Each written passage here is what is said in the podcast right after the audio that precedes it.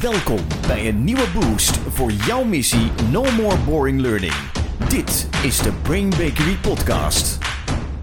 Super lekker dat je weer luistert met de missie No More Boring Learning. We gaan het hebben over meten, de impact van trainingen. Ja. Want JP, Ja. jij wond jou nogal Ah, op. ja, maar, ja, maar echt.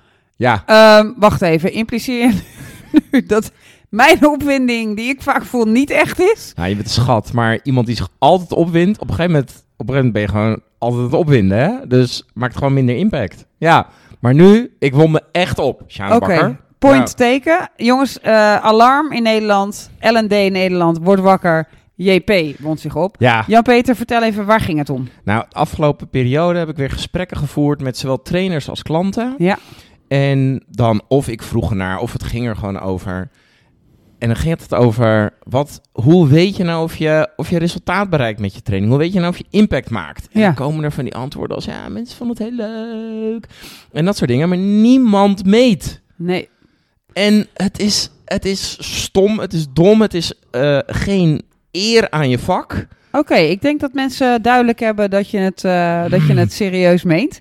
Laten we even kijken eh, voor de luisteraars eh, die denken, waar gaat het over? Wij hebben het hier vanaf aflevering 1 al over. Onze Ja. allereerste aflevering. Ik zou niet terugluisteren, want toen waren we nog niet zo goed. Maar die ging al over de vier evaluatieniveaus. Wie kent ze niet van Kirkpatrick? En die zegt dus, je moet niet alleen op level 1 evaluatie, hoe vonden de mensen het reactieniveau evalueren. Ook niet alleen op level 2, wat al veel mensen niet doen. Namelijk, is er ook echt iets geleerd in de training om Ja. dat te meten? Maar ook vooral na de transfer om daarover te meten. Wat is transfer eigenlijk, JP? Ja, transfer betekent dat de deelnemer hetgene dat hij leert in de leersituatie toepast op de werksituatie. Dus het, me- het, ja, ja, dat, het toepassen van het geleerde op de praktijk. Ja. Dus niet alleen ik leer iets en denk wat een goed idee, Ja. maar ik doe het niet. Maar ook echt iets ermee gaan doen. Je ziet het terug op de werkvloer. Ja. Dat is het level 3 van Kirkpatrick. En het level 4 van Kirkpatrick is dan het antwoord op de vraag: als al die deelnemers het gedrag ook veranderen, hey, levert het dan ook wat op? Ja. Wordt de klant blijer? Hebben we meer omzet? Dat soort dingen. Dus we gaan het vandaag hebben over meten. De makkelijkste meetmethode ever wordt aan je uitgelegd. Dus blijf luisteren. En ik wil even gaan naar. Volgens mij heb jij een soort lijst verzameld, JP, met eh, redenen waarom Kulredenen, mag ik wel zeggen. eh, waarom eh, mensen niet meten. ja, Noem want de eerste. ik praat er inderdaad veel over. En een van de redenen die je heel veel hoort is... het kost me te veel tijd. Ja. Ja, Wat is jouw reactie daarop? Nou ja, deze podcast is daar natuurlijk een reactie op. Ja. Want we gaan een methode uitleggen die echt, ik beloof het je, heel weinig tijd kost. Ik denk dat je per keer dat je iets wilt meten, misschien een half uurtje bezig bent. Nou, dat half uurtje, als je dat niet wilt investeren in het meten van impact, dan ben je een boring trainer. Ja, want even over boring learning. Boring learning heeft natuurlijk verschillende componenten in zich. Aan de ene kant, als je terug even gaat, denkt naar school, hè, dan zat je soms in een les. En dan dacht je, ja, leuk om te weten dat Reykjavik de hoofdstad van IJsland is. Maar waarvoor, waar, waarom moet Ja. dit in mijn hoofd? Hè, dus de doelloosheid, het niet het gevoel hebben dat het ergens om draait dat het eh, een relevantie heeft. Dat is een heel grote factor in boring learning. En de andere is natuurlijk hoe entertainend, leuk, lekker, spannend, gaaf wordt het gebracht. En volgens mij zit jij nu vooral op die eerste component, de relevantie van het trainen. Ja. Levert het iets op? Ja. En niet alleen levert het iets op mij als deelnemer, dat ik me fijner voel, dat ik mijn vak beter uitoefen, maar vooral ook levert het iets op aan ons team, aan resultaten en dat soort dingen. Juist. Ja. De tweede reden die ik heel vaak eh, te horen krijg is... Ja, oké, maar ik weet helemaal niet wat ik moet meten. Ja. En die vind ik eigenlijk nog het ergst, denk ik, van Mhm. alle vier. Omdat dit betekent dat je dus niet doelgericht aan het trainen bent. Mhm. Je weet dus niet, wat wil ik nou straks terugzien op de werkvloer? Ja. Als je dat niet precies voor ogen hebt, dan ben je misschien dus wel een hele fijne, enerverende training aan Ja. het geven. Maar hoe weet je dan of je impact maakt? Hoe weet je dan of je het goed doet of niet? En ik denk dat het voor de deelnemers ook niet fijn is, want die voelen wel... Het is inspirerend en ik kan hier vast iets mee, maar weten ook niet precies wat er nu van ze verwacht wordt. ik denk dat je daar wel echt een schot ook in de roos weer doet. Je hebt er al meerdere gedaan hoor. maar dit is wel echt een, een schot midden in de roos. Ik denk dat heel veel L&D'ers, trainers, ook inkopers van trainingen kijken naar, oké, ze moeten iets leren over time management. Ja. Zitten er vervolgens time management oefeningen in? Nou, als we dan in elk geval een aantal dingen uit de training doen, dan zal het wel goed komen. Hè? Ja. Weet je dat? Ja, dat. Ja. Ehm, en ik denk dat dat een hele natuurlijke reactie is, omdat we met z'n allen in stand houden dat het eerste level van Kirkpatrick, de 8, heel erg lekker is. Ja. Want iedereen was blij. Dat Ja. streelt mijn ego, ons ego. Dat kunnen we ook leuk aan, de, aan het MT of aan de directie vertellen. De training had een 8,9. Maar daarmee vermijden we om te praten over: oké, leuk, ik heb die, al die time management dingen aangeboden. Welke drie dingen wil ik nou per se dat ze echt gaan toepassen? Als ik nou zou rondlopen op de werkvloer en ik zie iemand die de training wel heeft gevolgd en iemand die de training niet heeft gevolgd, of ik zie iemand die de training heeft nog niet heeft gevolgd en ik zie hem na de training, welke andere dingen doet hij? Ja. En ik denk dat dat een, een hele lastige is voor veel mensen. Want ik merk het vaak als wij in gesprek gaan met mensen die ons in willen huren. En dan zeggen we: Oké, het gaat over leiderschap. We willen beter leiderschap zien. En dan wil ik altijd weten: Oké, hoe ziet dat eruit? Wat doet iemand dan? En dat blijkt nog best wel een moeilijke stap te zijn.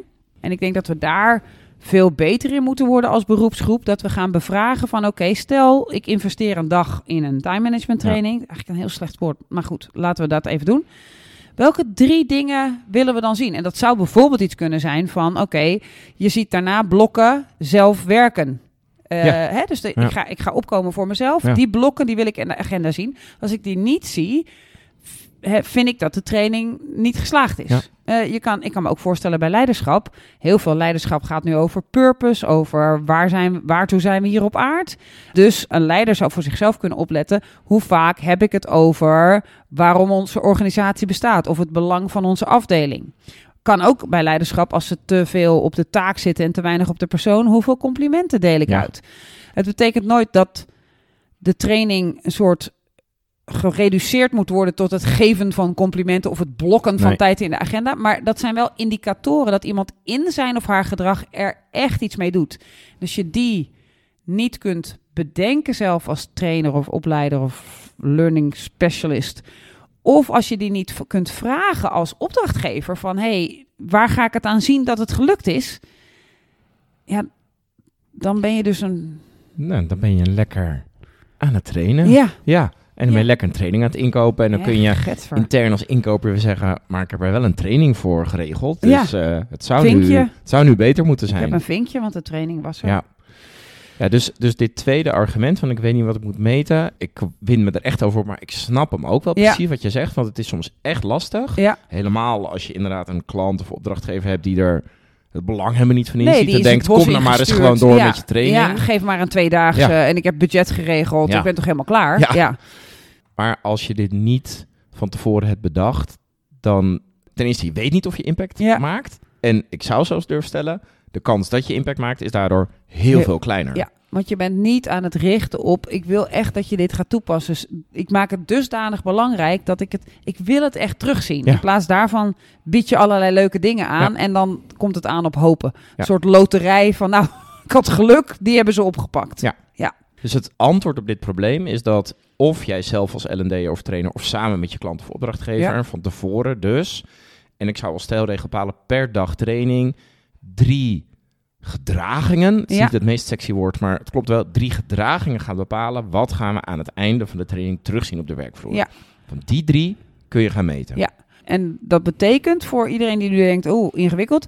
Wat zie je en wat hoor je? Ja. Dus het gaat echt over zintuigelijk. Wat zou ik kunnen waarnemen? Het gaat niet over de aantallen daarvan. Hè? Dus het gaat niet over, ik wil ze dan negen keer per dag een compliment horen geven.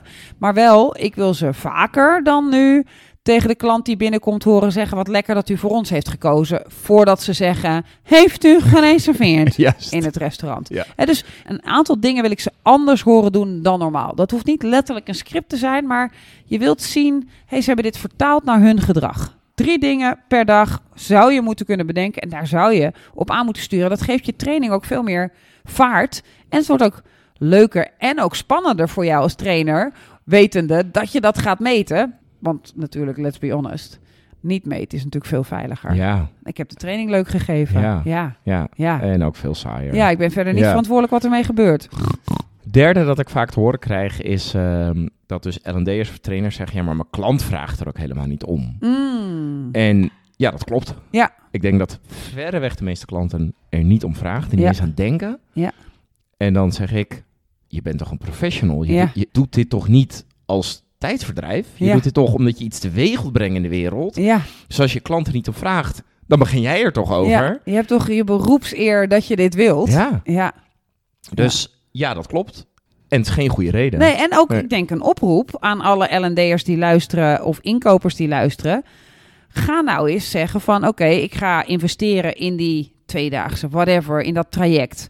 En ga nou eens bedenken, wat wil ik dan anders zien op de vloer? Wat, als ik dat anders zie op de vloer, dan denk ik dat wij betere resultaten, dat er minder mensen weglopen. Welke gedragingen hebben direct impact op de KPI's, de dingen die jullie willen meten, de resultaten die jullie willen produceren?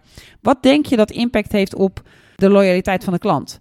Want als jij het niet bedenkt, ja, die trainer die heeft er wat minder belang bij. Jij hebt er nog een Ja. meer belang bij. Dus Ja. ga dat gesprek aan. En een vierde reden die ik vaak te horen krijg... Is hè, dat de dus- laatste? Ja. Oh, Dus stel, je wilt er wel tijd voor uittrekken. eh, je weet op zich wel wat je wilt meten. Je klant vraagt er ook om, maar dan is de vierde ook nog. Ja, maar ik weet helemaal niet hoe ik dat moet Ja. doen. Nou, daar hebben we wel een antwoord op. ja, Luister Ja. lekker verder. ja, Het, het blijkt, lieve mensen, mocht je nou een fixed mindset hebben over wiskunde, dan kun je zelfs blijven luisteren. Want het is echt vreselijk simpel. Ja. Het gaat ervoor zorgen dat je niet alleen aan je deelnemers kunt zeggen: hey, wij hebben ons ingespannen en we hebben zoveel vaker dan hiervoor iets gedaan. Je kunt ook nog aan je opdrachtgever of aan het MT of aan de directie zeggen: Kijk, zoveel stijging hebben we teweeggebracht, zoveel vaker zijn we iets gaan doen. En je kunt ook nog aan je klant, andere klanten of potentiële klanten laten weten: Als ik een training geef, dan is het de moeite waard. Kijk maar, want dit is mijn invloed. Ja.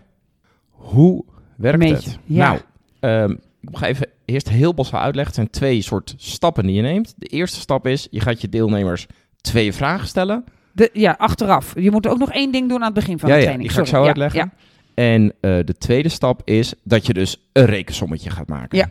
Dat is even Een vraag, de een meest basale Ja. uitleg van wat je doet. Ja. Nou, iets meer diepgang.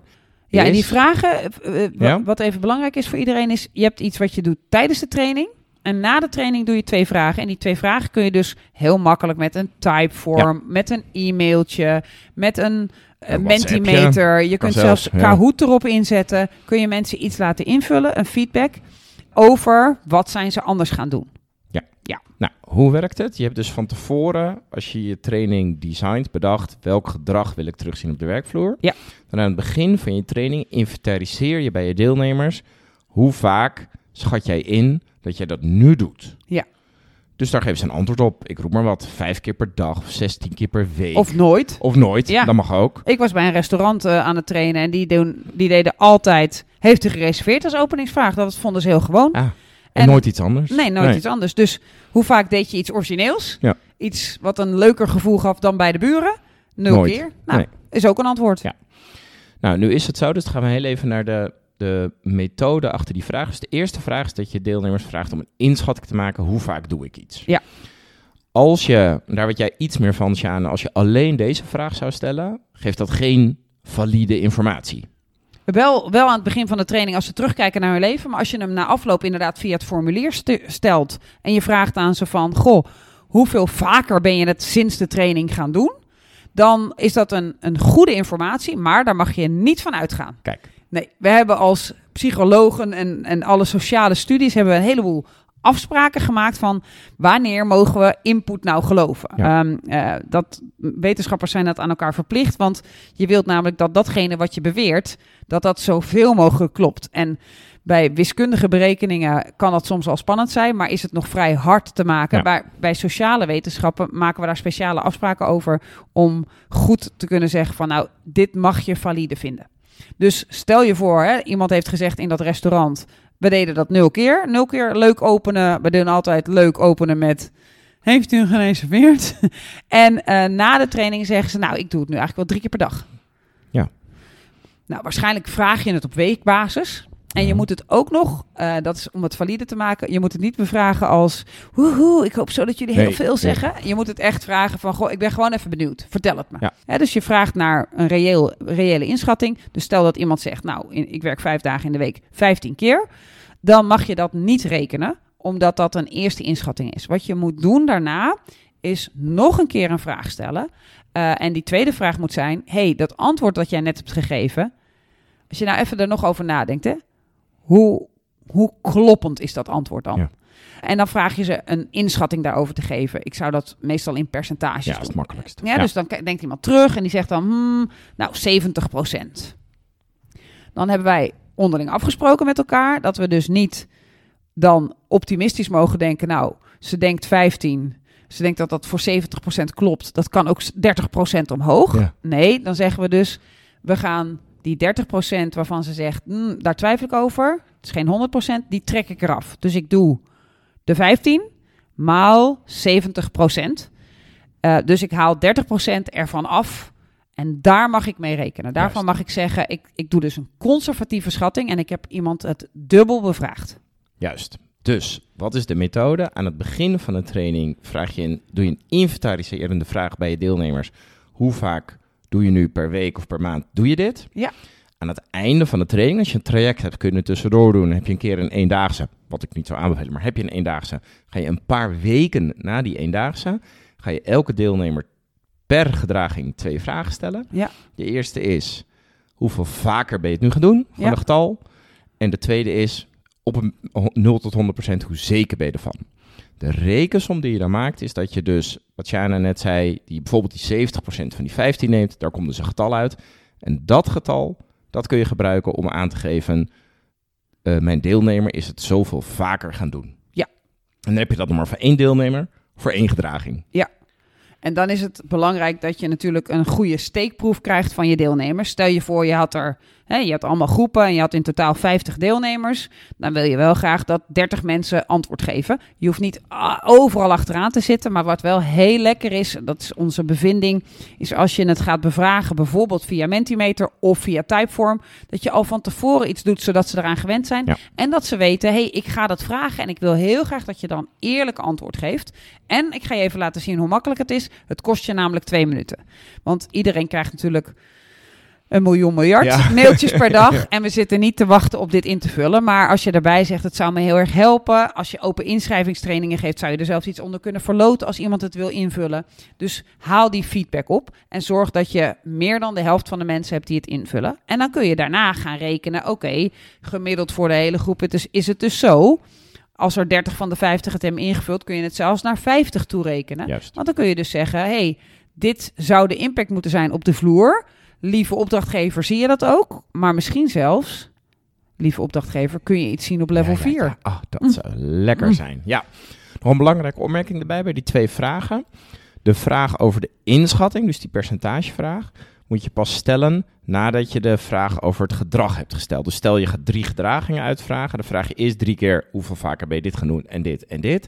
En pas daarna de inschattingsvraag, zodat ze niet eh, dat al weten, zodat die inschattingsvraag betrouwbaarder is. De antwoord erop is dan betrouwbaarder.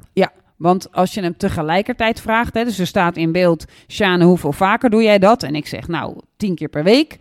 En er staat bij, trouwens, hoe zeker ben je van je zaak? Dan denk ik, houd toch je bek, joh. Ik heb toch net Ja. tien keer gezegd, hè? Dus, dus dat wil je niet. Dus je wilt hem na afloop eigenlijk even, laat even bezinken wat je gedaan hebt. Je zei daar tien. Hoe betrouwbaar vind je dat antwoord? Want het gaat over vier verschillende weken. Eh, geef eens even aan. Ja. Nou, en dat maximum, dat is dus ook wat we hebben afgesproken, is dan dat ze kunnen geven, is 100. Dat zie je niet vaak gebeuren. Dus je ziet vaak dat mensen toch hem Ja. wat naar beneden halen. Dus dan krijg je die conservatieve schatting waarvan we zeggen, die is betrouwbaarder Die is dan, woehoe. Ja. En 100. als je deze reeksom helemaal gemaakt hebt, dan kun je dus twee soorten cijfers uithalen. Het absolute aantal, wat jij net zei Ja. met bijvoorbeeld die 50 deelnemers.